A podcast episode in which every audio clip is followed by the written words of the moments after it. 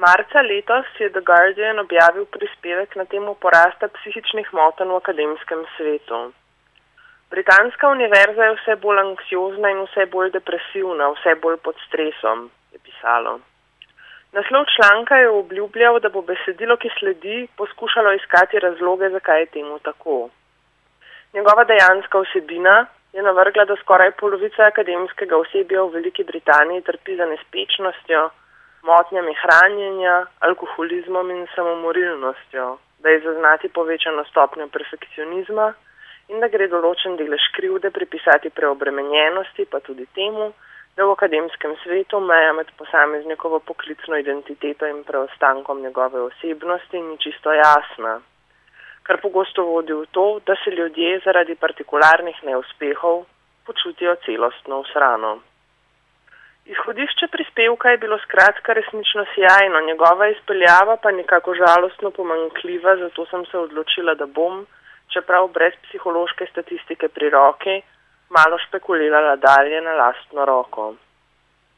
Če se za potrebe našega izvajanja iz Velike Britanije premaknemo v milo domovino, bomo ugotovili, da se je sistem zaposlovanja na univerzi v zadnjem desetletju korenito spremenil in kot preostanek sveta zdaj tudi ona gosti vse večje število prekernih delavcev.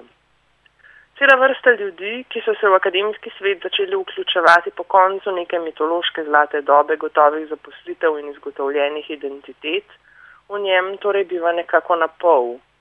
Dolžna je slediti njegovim pravilom in način svojega dela podrediti njegovim zahtevam, hkrati pa ni deležna njegovih privilegijev. Morda se motim, vendar se z te perspektive kot eden vodilnih razlogov za malodušje kaže problem integracije. Pred sabo imamo namreč nekaj generacij ljudi, ki, raz, ki so v svoje raziskovalno delo vložili komaj zamisljivo količino časa in truda, vendar se s tem niso zares pozicionirali.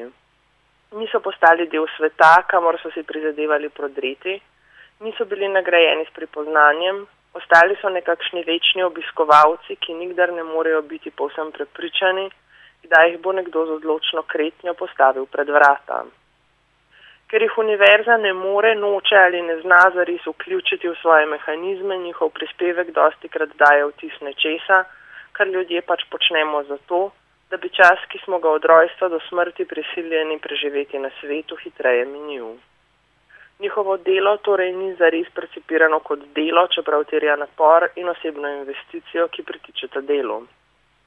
Zdi se torej, da kot marsikatera druga ustanova tudi univerza ne zmore primerno socialno nagraditi posameznikov za njihova prizadevanja, s čimer izdatno prispeva k občutku, da je vse in vsakršen trud udeležencev bolj ali manj vržen stran. Od tod do klinične depresije pa vodi kratka in zlahka prehodna stezica. Ker se zavedam, da je brez zadostne količine materijala težko in po svoje tudi nesmotrno špekulirati v neskončnost, bom svoje izvajanje pustila nedokončano in pustila psihologiji, da za začetek izhodi teren.